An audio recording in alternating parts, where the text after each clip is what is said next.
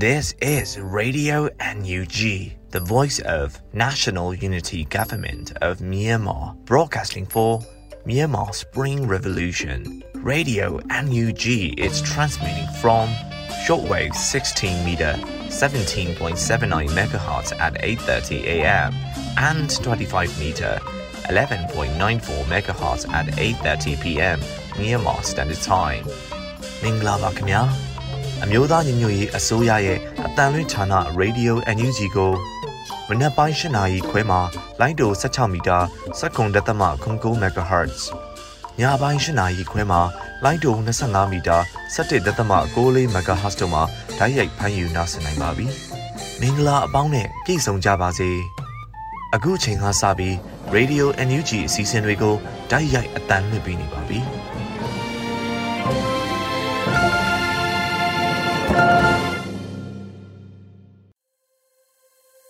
ကျမ်းမာတော်မူကြပါစားခင်ဗျာပြည်သူတွေအားလုံးဘေးကင်းရန်ကွာလို့စစ်အာဏာရှင်စနစ်ဆိုးလက်အောက်မှာအမြန်ဆုံးလွတ်မြောက်နိုင်ကြပါစေကြောင်းရေဒီယိုအန်ဂျီဝိုင်းတော်သားတွေကဆုတောင်းမေတ္တာပို့တာပါတယ်ဒီဇင်ဘာလ18ရက်မနက်ခင်းစီစဉ်တွေထုတ်လွှင့်တော်မှာမို့ဥဆုံးအနေနဲ့ကာကွယ်ရေးဝန်ကြီးဌာနရဲ့စစ်ရေးသတင်းတွေကိုစောတဲလူနေကဖတ်ကြားပေးပါတော့မယ်ခင်ဗျာ အမျိုးသားညီညွတ်ရေးဆိုရာကာဝေးဝန်ကြီးဌာနမှနိုင်စဉ်ထုတ်ဝေတဲ့စည်ရေးသတင်းကျဉ်းချုပ်များကိုတင်ပြပေးပါတော့မယ်။သတင်းများအရစစ်ကောင်စီတပ်သား6ဦးသေဆုံးပြီးဒဏ်ရာရရှိသူအရေအတွက်ကိုတော့စုံစမ်းဆဲဖြစ်ကြောင်းသိရှိရပါတယ်ခင်ဗျာ။စစ်ကောင်စီနဲ့တိုက်ပွဲဖြစ်ပွားမှုများမှာကရင်ပြည်နယ်တွင်ဒီဇင်ဘာလ16ရက်နေ့မနက်9:40မိနစ်ခန့်မှာ17:30မိနစ်ခန့်ထိကော့ဂရိတ်မြို့နယ်ကော့ဂရိတ်မြို့အနီးတရားကြိုးကျေးရွာနဲ့စိတ်ဖူးကုန်းကင်မရာကျေးရွာတွင်စစ်ကောင်စီတပ်နှင့်တော်လှန်ရေးအင်အားစုများကြား ထိတွေ့တိုက်ပွဲဖြစ်ပွားခဲ့ပြီးစစ်ကောင်စီဘက်မှလေကြောင်းဖြင့်လာရောက်တိုက်ခိုက်ခဲ့ပါတယ်။လိုင်ဝ9တိုင်းကျုံတိုးစရှိသည့်စစ်ကောင်စီတပ်စခန်းများကို Lion Battalion Commando Special Force စစ်ကြောင်းကဦးဆောင်ပြီး KNL PDF ပူးပေါင်းတပ်များကဝင်ရောက်တိုက်ခိုက်ခဲ့ပါတယ်။ကော့ဂရိတ်မြို့နယ်ခြေဆိုင်ခလာရ231တပ်ရင်းကို တော်လိုင်းတပ်ဖွဲ့များကဝင်ရောက်တိုက်ခိုက်ခဲ့ပြီးကော့ဂရိတ်မြို့နယ်မဟာမိတ်ပူးပေါင်းတပ်များကငားတိုင်လျှက်စစ်တအားခွဲဆက်ယုံတွင်တပ်ဆွဲထားသောစစ်ကောင်စီတပ်နှင့်ရဲများကိုဝင်ရောက်တိုက်ခိုက်ခဲ့ရာစစ်ကောင်စီဘက်မှတိတ်ဆုံးမှုအလွန်များပြားကြောင်းသိရှိရပါသည်မနက်၈နာရီခန့်မှစတင်ပြီးစစ်ကောင်စီတပ်ကတိုက်ခတ်ရေးရဟတ်ရင်ဖြင့်နှစ်ကြိမ်ဖုံးကျဲခြင်းပြစ်ခတ်တိုက်ခိုက်ခြင်းများလှုပ်ဆောင်ခဲ့ပြီးတိုက်ပွဲအတွင်းစစ်ကောင်စီ၏ဗိုလ်မှူးတအူ တက်ရေးဗိုလ်ကြီးတဦးတပ်သား3ဦးနဲ့ရဲမေတဦးတို့တိုက်ဆုံခဲ့ပြီးလက်နက်3လက်သိမ်းဆည်းရမိခဲ့ကြောင်းတင်ရရှိပါရခင်ဗျာ။မွန်ပြည်နယ်တွင်ဒီဇင်ဘာလ16ရက်နေ့မနက်9:30မိနစ်ခန့်ကရေးမြို့နယ်ရှိအမတာတပ်ကိုရေဘလူးအဖွဲ့ကတွားရောက်ပစ်ခတ်မှုပြုလုပ်ရာစစ်ကောင်စီတပ်များထိခိုက်ဒေဆုံးမှုရှိနိုင်ကြောင်းတင်ရရှိပါရခင်ဗျာ။ စကိုင်းတိုင်းတွင်ဒီဇင်ဘာလ16ရက်နေ့မနက်9:00နာရီခန့်ကအင်းတော်မြို့နယ်ညောင်ကုန်းကျေးရွာနီကြောက်စင်ကျေးရွာမှထွက်လာသောစစ်ကောင်စီတပ်သားများနှင့်အင်းတော်မြို့နယ်ပကဖပြည်သူ့ကာကွယ်ရေးတပ်မတော်ကတာခရိုင်တပ်ရင်းတို့ထိတွေ့တိုက်ပွဲဖြစ်ပွားခဲ့ကြောင်းတင်ရရှိပါရခင်ဗျာ။ရန်ကုန်တိုင်းတွင်ဒီဇင်ဘာလ15ရက်နေ့ည8:30မိနစ်ခန့်ကအင်းစိန်မြို့နယ် PPI စေဝါစက်ရုံနေရှိခလာရ16တပ်ထဲသို့မြို့ပြပျောက်ကြားတပ်ဖွဲ့တစ်ခုကရှော့ထိုက်တုံးဖြင့်ဖောက်ခွဲတိုက်ခိုက်ခဲ့ကြောင်းတင်ရရှိပါရခင်ဗျာ စစ်ကောင်စီကျူးလွန်သောရာဇဝတ်မှုများမှာစကိုင်းတိုင်းတွင်ဒီဇင်ဘာလ15ရက်နေ့မနက်10:20မိနစ်ခန့်ကကမ်ဘလူမြို့နယ်ရွှေဘိုမြကြီးနားလမ်းပိုင်းအေးတာယာရာတွင်တပ်ဆွဲထားသောအင်အား300ခန့်ပါသည့်ခမာယ368စစ်ကြောင်းကလက်ခုပ်ကုန်းရွာသို့မိရှုဖျက်ဆီးခဲ့ကြောင်းတင်ရရှိပါရခင်ဗျာ ဒီဇင်ဘာလ15ရက်နေ့နေ့လယ်တနာရီခန့်ကရေဦးမြို့နယ်အနောက်ချမ်းရှိပေါ်တူဂီမြို့နယ်ပွားများနေထိုင်ရာအင်ဂျီပေါင်း900ကျော်600ရှိသည့်ချမ်းသာရွာကြီးကိုစစ်ကောင်စီစစ်ကြောင်းကတတိယကြိမ်မြောက်မိရှုဖျက်ဆီးခဲ့ကြောင်းတင်ရရှိပါရခင်ဗျာရန်ကုန်တိုင်းတွင်ဒီဇင်ဘာလ16ရက်နေ့ကမြောက်ကလာပါမြို့နယ်စရက်ကွယ်သူနန္ဒာဆယ်လန်းအမှတ်404ရှိအောင်ကိုလက်ခေါ်အင်္ဂလန်ကိုစစ်ကောင်စီတပ်ဖွဲ့ဝင်များကဖမ်းဆီးခဲ့ကြောင်းတင်ရရှိပါရခင်ဗျာ ဒီဇင်ဘာလ15ရက်နေ့ည7:00နာရီခန့်ကလမ်းမတော်မြို့နယ်လမ်းသိပ်ရိပ်သားထဲမှာအမျိုးသမီး2ဦးကိုစစ်ကောင်စီအဖွဲ့ဝင်များမှတော်လန်ရေးအတွက်ထောက်ပုတ်လုပ်သည်ဟုဆွဆွဲ၍ဖမ်းဆီးသွားခဲ့ကြောင်းတင်ရရှိပါရခင်ဗျာ။ယခုပေါ်ပြပါသတင်းများကိုမြေပြင်သတင်းတာဝန်ခံများနဲ့သတင်းတာနာများမှဖော်ပြလာသောအချက်လက်များပေါ်အခြေခံပြုစုထားခြင်းဖြစ်ပါတယ်ကျွန်တော်စောတဲလူနေပါ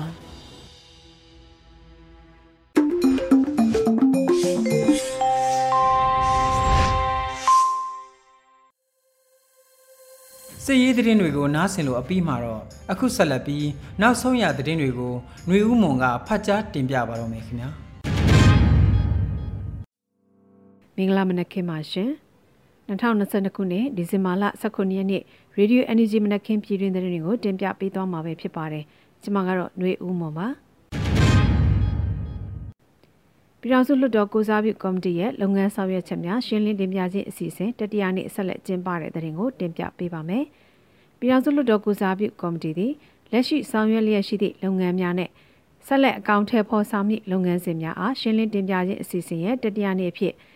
ချင်းပြည်နယ်မကွေးတိုင်းဒေသကြီးနဲ့ပဲခူးတိုင်းဒေသကြီးတို့မှပြည်ထောင်စုလွှတ်တော်ကိုယ်စားလှယ်များအားဒီဇင်ဘာလ16ရက်နေ့နနက်9:00နာရီခွဲအချိန်မှာဗီဒီယိုကွန်ဖရင့်မှတစ်ဆင့်ရှင်းလင်းတင်ပြခဲ့ပါတယ်။တွဲဆုံဆွေးနွေးပွဲတွင် CRBH ရဲ့လက်ရှိဆောင်ရွက်လျက်ရှိတဲ့လုပ်ငန်းများနဲ့ဆက်လက်အကောင့်ထဲပေါ်ဆောင်မဲ့လုပ်ငန်းစဉ်များအားရှင်းလင်းတင်ပြခဲ့ကြပါတယ်။အဲဒီနောက်တက်ရောက်လာသူများကပြည်ထောင်စုလွှတ်တော်ကိုစားပြုကော်မတီအနေနဲ့နိုင်ငံတကာလွှတ်တော်များနဲ့ချိတ်ဆက်ဆောင်ရွက်လျက်ရှိတဲ့အခြေအနေများမြို့သားညီညွတ်ရေးတာမင်ကန်ကောင်စီနဲ့ချိတ်ဆက်ဆောင်ရွက်နေမှုများနိုင်ငံတော်ဝန်ရှိ CDM သူရဲကောင်းများနဲ့စေဘေးရှောင်ပြည်သူများပါဝင်ပြည်သူကိုယ်စားလှယ်များအတွက်လူသားချင်းစာနာထောက်ထားမှုအကူအညီများပေးအပ်နိုင်ရေးအခြေအနေများတိုင်းဒေသကြီးပြည်내လွှတ်တော်တို့နဲ့အတူ ပုံမချိတ်ဆက်ပြီးလုပ်ငန်းများအကောင့်ထဲပေါ်နိုင်ရေးတို့အပေါ်ကြကြပြည့်ပြည့်ဆွေးနွေးခဲ့ကြပါတယ်။ပြည်ထောင်စုလွှတ်တော်ကိုယ်စားလှယ်များတို့ CRPH ရဲ့ရှင်းလင်းတင်ပြခြင်းအစီအစဉ်တွင်ပြည်ထောင်စုလွှတ်တော်ကိုစားပြုကော်မတီဥက္ကဋ္ဌနဲ့အဖွဲ့များရေးရာကော်မတီများမှဥက္ကဋ္ဌများနဲ့အတွင်းမှုများကမိကုများပေါ်ရှင်းလင်းဖြေကြားခဲ့ကြတယ်လို့ပြည်ထောင်စုလွှတ်တော်ကိုစားပြုကော်မတီကဖော်ပြပါတယ်ရှင်။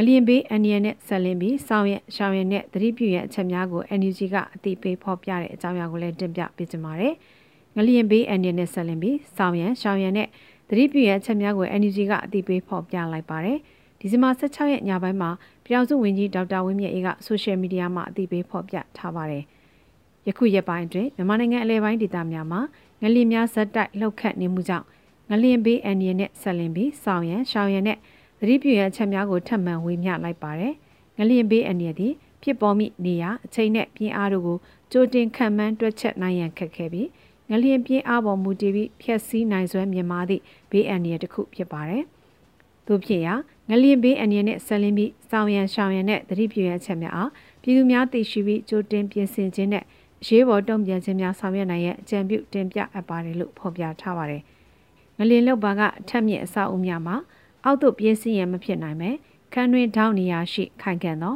စပွဲထိုင်ကုန်မှွေရာဆိုဖဂရင်တို့ကိုအကာအကွယ်ယူနိုင်မှာဖြစ်ပါတယ်။နေရင်ပြင်းတို့ပြေးထွက်နိုင်မှာကဥကောင်းကိုအကာအကွယ်ယူ၍ပြေးထွက်ရန်ဖော်ပြထားပါတယ်ရှင်။ဂျမ်ဘတ်စစ်ကောင်းဆောင်တွေဟာမြောက်ကိုရီးယားကောင်းဆောင်လို့အာဏာမျိုးရကျင်နေတယ်လို့ပြည်ပဆိုင်ရာပူးပေါင်းဆောင်ရွက်ဝန်ကြီးဒေါက်တာဆတ်ဆာပြောဆိုတဲ့အကြောင်းအရာကိုဆက်လက်တင်ပြပေးချင်ပါတယ်။ဂျမ်ဘတ်စစ်ကောင်းဆောင်တွေဟာ မြောက်ကိုရီးယားကောင်းဆောင်လို့အာဏာမျိုးရကျင်နေတယ်လို့ပြည်ပဆိုင်ရာပူးပေါင်းဆောင်ရွက်ဝန်ကြီးဒေါက်တာဆတ်ဆာကဆိုလိုက်ပါတယ်။ဒီဇင်ဘာလအတွင်းပြည်ထောင်စုဝန်ကြီးဒေါက်တာဆတ်ဆာကစပိန်သတင်းစာ El Español နဲ့တွေ့ဆုံမေးမြန်းရာမှာဝန်ကြီးကထည့်သွင်းဆိုခဲ့တာပါ။ဂျမ်ဘတ်စစ်ကောင်းဆောင်တွေဟာသူတို့ကိုသူတို့မြောက်ကိုရီးယားကောင်းဆောင်လို့အာဏာမျိုးရလိုနေတာဖြစ်တဲ့မြန်မာနိုင်ငံကိုမြောက်ကိုရီးယားလိုဖြစ်စေချင်နေတယ်လို့ဆိုပါတယ်။ဂျမ်ဘတ်စစ်တပ်ဟာလူပေါင်း1000ကျော်ကိုဖမ်းဆီးချုပ်နှောင်ခဲ့ပြီးတော့လူပေါင်း2000ကျော်ကိုတပ်ဖြတ်ခဲ့ပါတယ်ရှင်။ အမေရိကန်သမ္မတရဲ့ Federal Democracy နဲ့ဒီမိုကရေစီလမ်းကြောင်းကိုပတ်မှုထောက်ခံမဲ့အရာကိုကြိုဆိုတယ်လို့ပြည်ထောင်စုဝန်ကြီးဒေါက်တာဆိုဝေစုပြောကြားတဲ့အကြောင်းအရာကိုဆက်လက်တင်ပြပေးကြပါမယ်။ American သမ္မတရဲ့ Federal Democracy နဲ့ Democracy လမ်းကြောင်းကိုပတ်မှုထောက်ခံမဲ့အရာကိုကြိုဆိုတယ်လို့ပြည်ထောင်စုဝန်ကြီးဒေါက်တာဆိုဝေစုကပြောကြားလိုက်ပါတယ်။ဒီဇင်ဘာလအတွင်းပြည်သူ့မှပြည်သူတို့မေးမြန်းခန်းမှာပြည်ထောင်စုဝန်ကြီးဒေါက်တာဆိုဝေစုကဆိုပါတယ်။ American သမ္မတရဲ့ Federal Democracy နဲ့ Democracy လမ်းကြောင်းကိုခုလိုပတ်မှုမဲ့ ထောက်ခံမဲ့ဟာကိုကြိုဆိုတယ်။ဆရာတို့ဟာဆရာတို့နိုင်ငံနဲ့ကညီတဲ့ Federal Democracy နဲ့ကညီတဲ့ဘယ်တော့မှစစ်မှတ်တယ်မဖြစ်တဲ့အေဂျင့်တာရတဲ့နိုင်ငံဖြစ်ကိုတိဆောက်သွားမှာဖြစ်တယ်။ Federal Democracy ကိုယုံကြည်တဲ့ Federal Democracy ကိုကျင့်သုံးတဲ့ဆရာတို့တိုင်းရင်းသားတွေလူနည်းစုလူမျိုးစုတွေရိုဟင်ဂျာတို့အပါအဝင်အားလုံးတွေးနေတဲ့အထက်မှာအေဂျင့်တာယာစွာနေနိုင်တဲ့နိုင်ငံတစ်ခုနောက်ဘေးမှာရှိတဲ့အင်းဒီဂျစ်နိုင်ငံတွေနဲ့ သဟဇာတဖြစ်စွာနေနိုင်တဲ့နိုင်ငံတစ်ခုအနေနဲ့တိဆောက်သွားမှာဖြစ်တယ်လို့ဝန်ကြီးကဆိုပါတယ်။ American နိုင်ငံရဲ့ National Defense Authorization Act for Fiscal Year 2023 2023 NDAA ရဲ့တစိတ်တစ်ပိုင်းအဖြစ် American Congress က Burma Act ကိုအတည်ပြုခဲ့ပါတယ်ရှင်။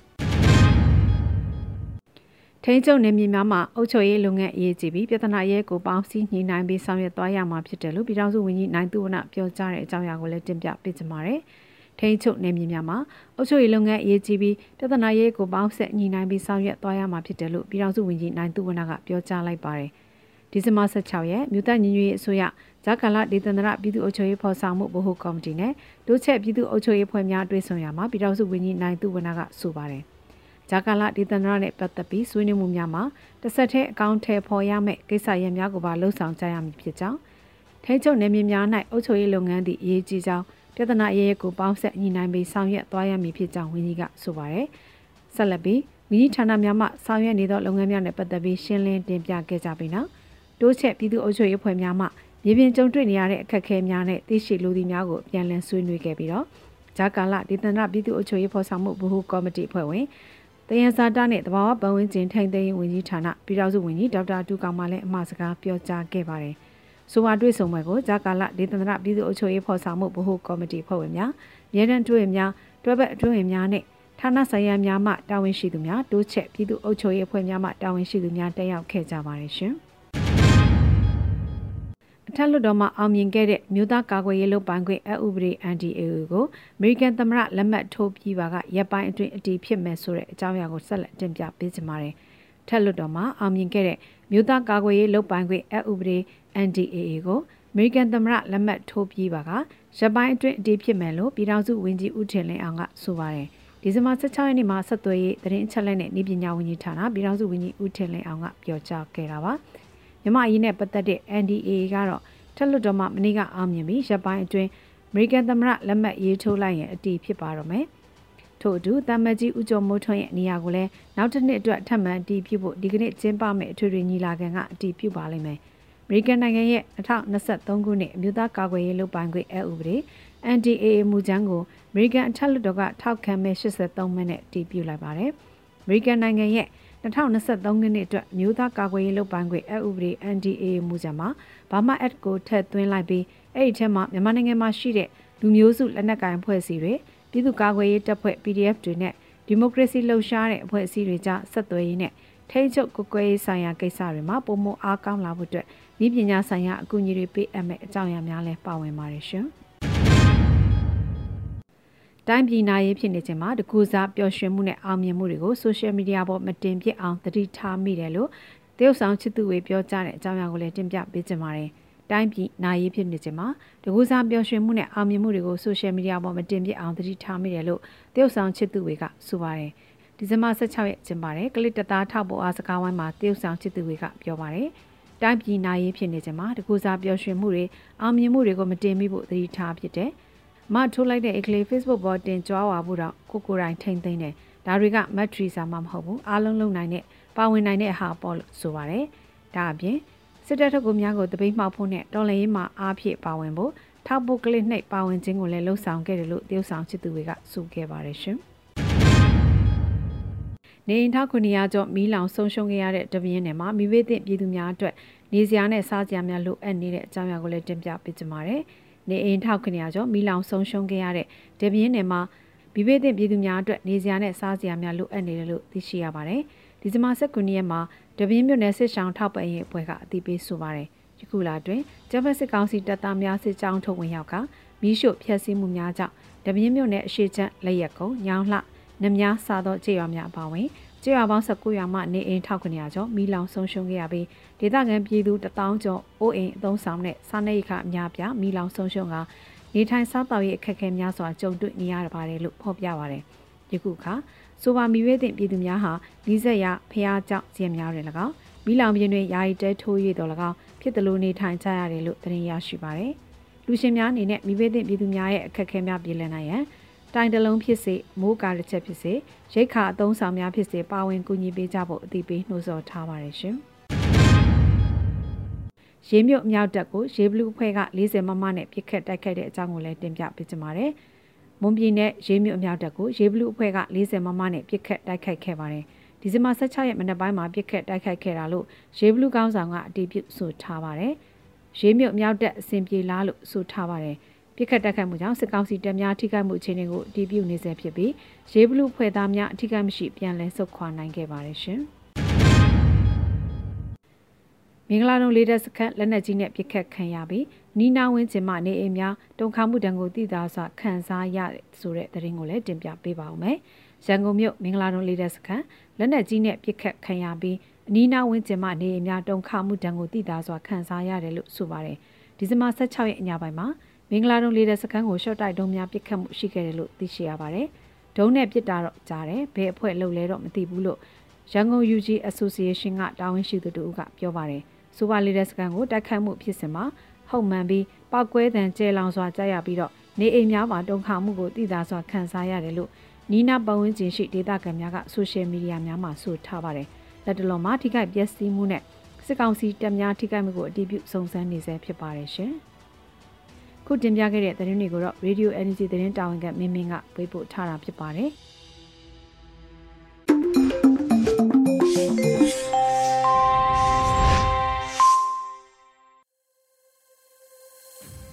ရေဒီယို UNG ရဲ့နောက်ဆုံးရသတင်းတွေကိုနားဆင်ခဲ့ကြရတာပါအခုတခါပြည်သူခုခံစစ်သတင်းတွေကိုမင်းနိုင်မျိုးကဖတ်ကြားပါဦးမယ်ခင်ဗျာပထမဦးစွာ ရေစကြိုမြို့ပေါ်တိုက်ပွဲဖြစ်ပွားတဲ့သတင်းတင်ဆက်ပါမယ်မကွေးတိုင်းရေစကြိုမြို့နယ်တွင် PDF တပ်ဖွဲ့များကိုပိတ်ဆို့ဖမ်းဆီးရန်ပြုလုပ်နေသည့်စစ်သားများနှင့် PDF ရဲဘော်များတိုက်ပွဲဖြစ်ပွားပြီးစစ်သား၄ဦးသေဆုံးခဲ့တယ်လို့ဒေသကာကွယ်ရေးတပ်ကထုတ်ပြန်ပါတယ်ဒီဇင်ဘာလ15ရက်နေ့တွင်ရေစကြိုမြို့နယ်ထင်းနှက်ရက်ကွက်၌အကြမ်းဖက်စစ်သားများကိုဘုံခွဲတိုက်ခိုက်ရန်မြင်းကြံဘလက်တိုက်က MBD နှင့်မိနောင်မမိတ်များမှလူစု၍အနာယူနေစဉ် စစ်တပ်သတင်းပေးပြူစောတိများကသတင်းပေးတိုင်ကြားသောကြောင့်စစ်သားများရောက်ရှိလာပြီးအပြန်အလှန်ပြစ်ခတ်မှုဖြစ်ပွားခဲ့ကြောင်းသိရပါတယ်ပြစ်ခတ်မှုဖြစ်ပွားပြီးနောက်အကြမ်းဖက်စစ်တပ်ဘက်မှပြည်သူတအူအားဖမ်းဆီးကလူသားတိုင်းအဖြစ်ခေါ်ဆောင်လာသောကြောင့်မြင်းကြံဘလက်တိုက်က MPD နဲ့မိနောင်မာမိတ်များမှပြန်လည်ဆုတ်ခွာခဲ့ရကြောင်းကာကွယ်ရေးတပ်ဖွဲ့များကိုအကြမ်းဖက်စစ်တပ်ကပိတ်ဆို့ပစ်ခတ်ဖမ်းဆီးရန်လှုံ့ဆော်နေစဉ်ကာကွယ်ရေးညီနောင်မာမိတ်တပ်ပေါင်းစုများမှပြန်လည်ပစ်ခတ်တိုက်ခတ်ခဲ့သောကြောင့် စစ်သား၄ဦးသေဆုံးပြီး9ဦးထိခိုက်ဒဏ်ရာရရှိကြောင်းသိရပါတယ်။ဆက်လက်တင်ဆက်မှာကအင်းစိန်အကြမ်းဖက်နေနေတဲ့တရားခွန်မမရှော့တိုက်တုံးဖြင့်ပြစ်ခတ်တိုက်ခတ်ခဲ့တဲ့တဲ့တင်တင်ဆက်ပါမယ်။ရန်ကုန်တိုင်းအင်းစိန်မြို့နယ် PPI စေဝါစိတ်ရုံအနီးရှိအကြမ်းဖက်နေနေတက်တဲ့သို့တရားခွန်မမရှော့တိုက်တုံးနှလုံးဖြင့်ဂျမန်နှင့်ညာပိုင်းမြို့ပြယူကြီးများကပြစ်ခတ်တိုက်ခတ်ခဲ့တယ်လို့ဒေသခံတွေထံမှသိရပါတယ်။ဒီဇင်ဘာလ15ရက်နေ့ည 8:30မိနစ်အချိန်တွင်အင်းစိန် BPI စေဝါစိတ်ရုံအနီးရှိအကြမ်းဖက်နေနေစစ်တပ်ထဲသို့တရားခွန်မမရှော့တိုက်တုံးနှလုံးဖြင့်ပြစ်ခတ်ခဲ့ခြင်းဖြစ်ကြောင်းအဆိုပါစစ်တပ်သည်ရန်ကုန်တွင်စစ်အာဏာရှင်စန့်ကျင်ရေးလှုပ်ရှားမှုများကိုအဓိကထားနှိမ်နင်းပြီးចောင်းသားလူငယ်များနှင့်ပြည်သူများကိုတပ်ဖြတ်သည့်တပ်ဖြစ်ကြောင်းအင်းစိန်တောင်တွင်ရှိဆန္ဒပြမှုများကိုအကြမ်းဖက်ဝင်ရောက်နှိမ်နင်းသည့်ဗဟိုတပ်ဖြစ်ကြောင်း BPI အနည်းရှိစစ်တပ်ထဲတွင် အထိုင်ချထားသည့်တပ်ဖြစ်ကြောင်းသိရှိရပါသည်။ပလဲမြို့နယ်စီပီကုန်းရွာပြူစောတိစခန်းကိုတိုက်ခိုက်တဲ့သတင်းဆက်လက်တင်ဆက်မှာပါ။စကိုင်းတိုင်းပလဲမြို့နယ်စီပီကုန်းရွာရှိအကြမ်းဖက်စစ်တပ်လက်အောက်ခံပြူစောတိစခန်းကိုယမန်နေ့ဒီဇင်ဘာလ15ရက်ညနေ9နာရီခန့်ကမာမိတ်တပ်များဝင်ရောက်တိုက်ခိုက်ခဲ့ရာပြူစောတိ15ဦးသေဆုံးသွားကြောင်းမြမတော်ဝင်နဂါတပ်တော် MRDA တပ်ဖွဲ့ကထုတ်ပြန်ပါတယ်။ပြူစောတိများစုဝေးနေချိန်အလင်းငိုက်ဖန်းက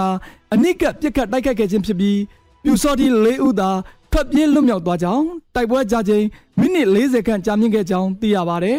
။နောက်ဆုံးအနေနဲ့ကော့ဂရိတ်လိုင်းဝငရိုင်းကြုံတိုးရှိစစ်တပ်စခန်းများကို Lion Battalion ကပူဆောင်ပြီး KNN နဲ့ PDF ပူးပေါင်းတပ်များကတိုက်ခိုက်တဲ့သတင်းတင်ဆက်ပါမယ်။ကရင်ပြည်နယ်ကော့ဂရိတ်မြို့နယ်လိုင်းဝငါးတိုင်းကျုံတို့ရှိစစ်တပ်စခန်းများကို Lion Battalion Commando Special Force စစ်ကြောင်းကဥဆောင်ပြီး KNN နဲ့ PDF ပူးပေါင်းတပ်များကဝင်ရောက်တိုက်ခိုက်ရာဗိုလ်မှူးဗိုလ်ကြီးအပါဝင်စစ်တပ်ဘက်မှ၄ဦးသေဆုံးကြောင်း Lion Battalion Commando Special Force စစ်ကြောင်းမှတာဝန်ရှိသူတအုပ်ကဆိုပါတယ်ဒီဇင်ဘာလ16ရက်နေ့နနက်9:40မိနစ်အချိန်မှစတင်၍ Lion Battalion Commando Special Force စစ်ကြောင်းကဦးဆောင်ပြီး KNN တပ်များ PDF တပ်များအပါအဝင်မဟာမိတ်တပ်များကကော့ဂရိတ်လိုင်းဝ ငါးတိုင်းကြုံတို့နေမြေများရှိစစ်ကောင်စီတပ်စခန်းများကိုဝင်ရောက်တိုက်ခတ်ခဲ့ကြကြောင်းတိုက်ပွဲတွင်စစ်တပ်ဘက်မှဗိုလ်မှူးတအူတရဲဗိုလ်ကြီးတအူအမျိုးသမီးစစ်သည်တအူတပ်သားတအူသေဆုံးပြီးလက်နက်များရရှိကြောင်းသိရှိရပါတယ်။ယင်းနောက်ကော့ဂရိတ်မြို့နယ်မဟာမိတ်ပူးပေါင်းတပ်များကငါးတိုင်လဲစစ်တအားခွဲဆက်ရုံတွင်တက်ဆွဲထားတဲ့စစ်တပ်နဲ့ရဲများကိုဝင်ရောက်တိုက်ခိုက်ရာစစ်ကောင်စီဘက်မှတေဆုံးမှုအလွန်များပြားကြောင်းထုတ်ပြန်ထားပါတယ်ခင်ဗျာ။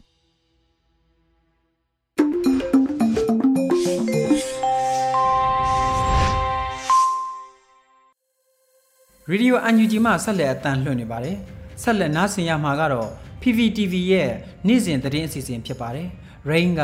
တင်ပြပေးပါမယ်ခင်ဗျာ။အခုချိန်ကစပြီး PPTV သတင်းတွေကိုတင်ဆက်ပေးပါတော့မယ်။ကျွန်မ Rain ပါ။ပထမဆုံးတင်ဆက်မဲ့သတင်းကပြည်ထောင်စုလွှတ်တော်ကိုစားပြုကော်မတီရဲ့လုပ်ငန်းဆောင်ရွက်ချက်အပေါ် ကရင်ရှမ်းရန်ကုန်နဲ့အေယာဝတီတို့ရဲ့ CRPH ကိုယ်စားလှယ်တွေကိုတွဲဆုံရှင်းလင်းတဲ့သတင်းမှာပြည်ထောင်စုလွှတ်တော်ကိုစားပြုကော်မတီရဲ့လုပ်ငန်းဆောင်ရွက်ချက်အပေါ်ရှင်းလင်းတင်ပြတဲ့ဒုတိယနေ့အစီအစဉ်အဖြစ်ကရင်ပြည်နယ်ရှမ်းပြည်နယ်ရန်ကုန်တိုင်းဒေသကြီးနဲ့အေယာဝတီတိုင်းဒေသကြီးတို့မှာ CRPH ကိုယ်စားလှယ်တွေကိုဒီဇင်ဘာ15ရက်မနေ့9နာရီခွဲမှာ Video Conference ကတဆင့်တွေ့ဆုံခဲ့ကြပါတယ်ဒီလိုပြုလုပ်တာက CRPH ရဲ့လုပ်ငန်းဆောင်ရွက်နေမှုတွေအပေါ် ပုံမသိရှိစေရန်နဲ့ယင်းဤပွင့်လင်းစွာဆွေးနွေးဖလှယ်ပြီးလိုအပ်တဲ့အကြံပြုချက်များပေးအပ်နိုင်ရန်ရည်ရွယ်ပြုလုပ်တာဖြစ်တယ်လို့ CRPH ကအသိပေးထားပါတယ်။အဲဒီလိုဆွေးနွေးရမှာရေးရာကော်မတီများဖွဲ့စည်းမှုနဲ့လုပ်ငန်းတာဝန်များပုံမခိုင်မာအားကောင်းစွာဆောင်ရွက်နိုင်ရင် ပြည်ထောင်စုလွှတ်တော်ကိုယ်စားလှယ်များအကြားပူးပေါင်းဆောင်ရွက်မှုနဲ့လက်တွဲလှုပ်ဆောင်နိုင်မှုများအားကောင်းလာစေရေးပြည်သူများနဲ့တော်လှန်ရေးအတွက်အားကောင်းတဲ့အထောက်အပံ့များကူညီလှုပ်ဆောင်နိုင်ရန်အမျိုးသားညွရေးအစိုးရနဲ့အပြန်အလှန်ထိညီတာပူးပေါင်းဆောင်ရွက်မှုကိုတိုးမြင့်သွားနိုင်ရေးတို့ကိုလည်းကြဲကြဲပြန့်ပြန့်ဆွေးနွေးခဲ့ကြပါတယ်။ ပြည်ထောင်စုလွှတ်တော်ကိုယ်စားလှယ်များသို့ CRPH ရဲ့ရှင်းလင်းတင်ပြခြင်းအစီအစဉ်မှာပြည်ထောင်စုလွှတ်တော်ကိုစားပြုကော်မတီဥက္ကဋ္ဌနဲ့အဖွဲ့ဝင်များရေးရာကော်မတီများမှဥက္ကဋ္ဌများနဲ့အတွင်းရေးမှူးများကမေခွန်းများပေါ်ရှင်းလင်းဖြေကြားခဲ့တယ်လို့ပြည်ထောင်စုလွှတ်တော်ကိုစားပြုကော်မတီကသတင်းထုတ်ပြန်ထားပါတယ်။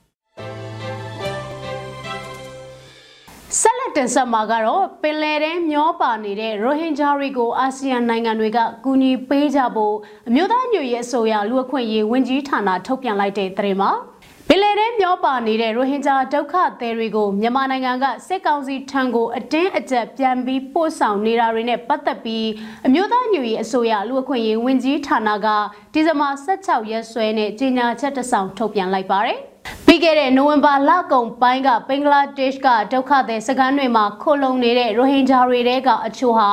လှေတွေနဲ့အင်ဒိုနီးရှားကိုလာရင်ထိုင်းပင်လယ်ပြင်မှာမျောပါလာပြီးဗီယက်နမ်စစ်တပ်ကကဲတင်ကတရားမဝင်တဲ့ မြန်မာအကြမ်းဖက်စစ်ကောင်စီကိုပြန်လည်လွှဲပြောင်းပေးခဲ့ပါတယ်။အကြမ်းဖက်စစ်ကောင်စီဟာရိုဟင်ဂျာတွေအပေါ်အစီအစဉ်တကြရရဆက်ဆက်လူမျိုးတုံးဖိနှိပ်တပ်ဖြတ်မှုတွေကြောင့်အခုလိုမြန်မာပြည်ပြန်ပို့တာဟာမဖြစ်သင့်ဘူးလို့လူအခွင့်ရေးဝန်ကြီးဌာနရဲ့ထုတ်ပြန်ချက်မှာဖော်ပြထားပါတယ်။ဘင်္ဂလားဒေ့ရှ်ကနေနိုဝင်ဘာနှောင်းပိုင်းထွက်လာတဲ့လှေ၃စင်းတွေက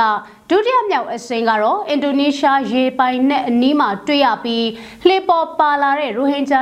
180လောက်ဟာအစာရေစာငတ်ပြတ်ပြီးကလေးငယ်တယောက်လည်းသေဆုံးခဲ့တယ်လို့သိရပါတယ်။ဓာတရမြောက်လှေကတော့အခုချိန်ထိပျောက်ဆုံးနေပြီးခုထိရှာမတွေ့သေးတာကြောင့်အာဆီယံအဖွဲ့ဝင်နိုင်ငံတွေအနေနဲ့ကူညီရှာဖွေကယ်ဆယ်ပေးဖို့နဲ့လိုအပ်တဲ့လူသားချင်းစာနာထောက်ထားမှုဆိုင်ရာအကူအညီတွေပေးအပ်ပေးကြဖို့အမျိုးသားညွရေးအစိုးရလူအခွင့်အရေးဝန်ကြီးဌာနကထုတ်ပြန်ထားပါတယ်။ကျေးဇူးတင်ပါတယ်ရှင်။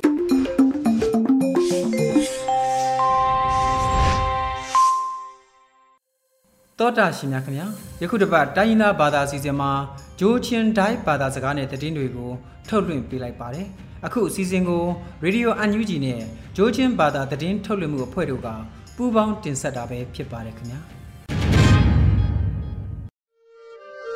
ဒိုင်ရီဒီယိုထိုင်ထုနာဆုငါကီနောပဘေနာနင်းရရဲ့နောင်နီတူငွာချင်းခါအမ်နမ်ဖလိခုခွန်းစုမတုံဟုံယာကာ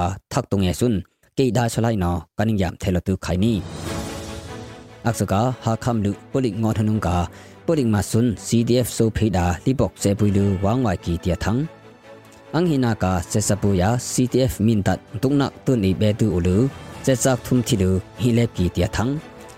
อักทุมนากากัมเบลนเฮียเซซาปูนอยากาบลูอสักครุกิบปุกกียาคักพิวเลกีเตียทังบีนิงไงขยนีอาเซนาเซนาละคนเซจามีอักทุม 嘛，学校不要再咱们黄皮干了。Apshuna ka tanamat ucha mo thonsun babea kusalea takluwaya UN no amkha tia thange ni angai tu khaye ka ki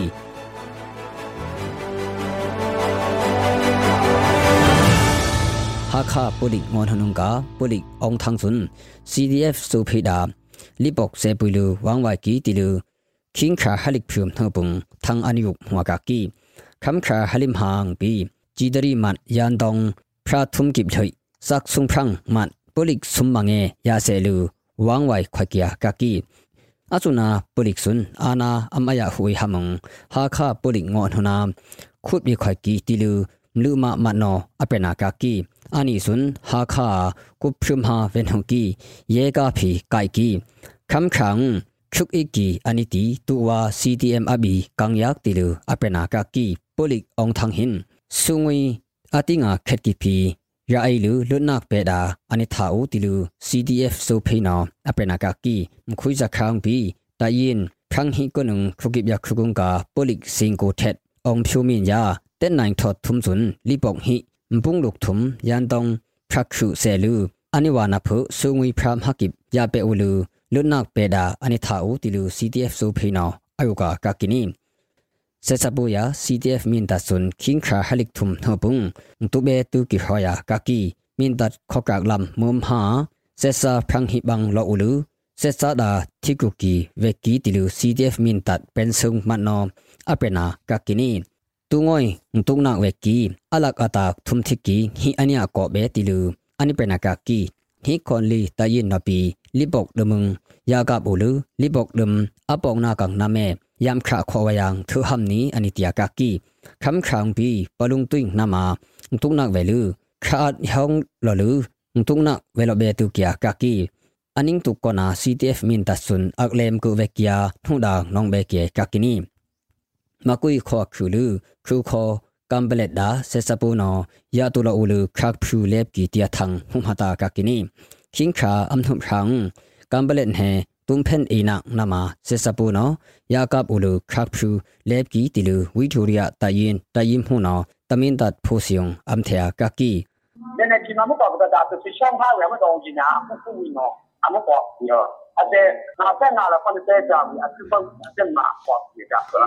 ဒီမရှောင်းတော့တော့ဘီဖြစ်သူဝီဟာအတိုင်းစုငါဘုဒ္ဓဘာသာဝီပါပုံစံတော်တော့တော့တော့ကျိုးတင်ကိုတော့ ရာလုံးထုတ်ပြရအမှုဆောင်ပြီးခဲ့လာမဟုတ်ဘူးတာကိစုတရေလုံးချုံဟာသင်ပြရဒီစခါနေတော့တော့နိပုတ်ဒမ်အနိကာကိုနိကီနပ်ဥမာဝမ်လောလူတုံဖန်အိကေအနိမှုအနိယာကာပါမိထုံထုံမီမတ်အနိယူုံစုကီဆွိနာဝယာကာကီတီလူအပရနာကာကီလေပကီယံအနိဆက်မကိဗျမ်ဟာယာခုကိပွိဥလူအနိပန်ဖုငါလေပကီအနိတယာကာကီတုံနန်ထုံ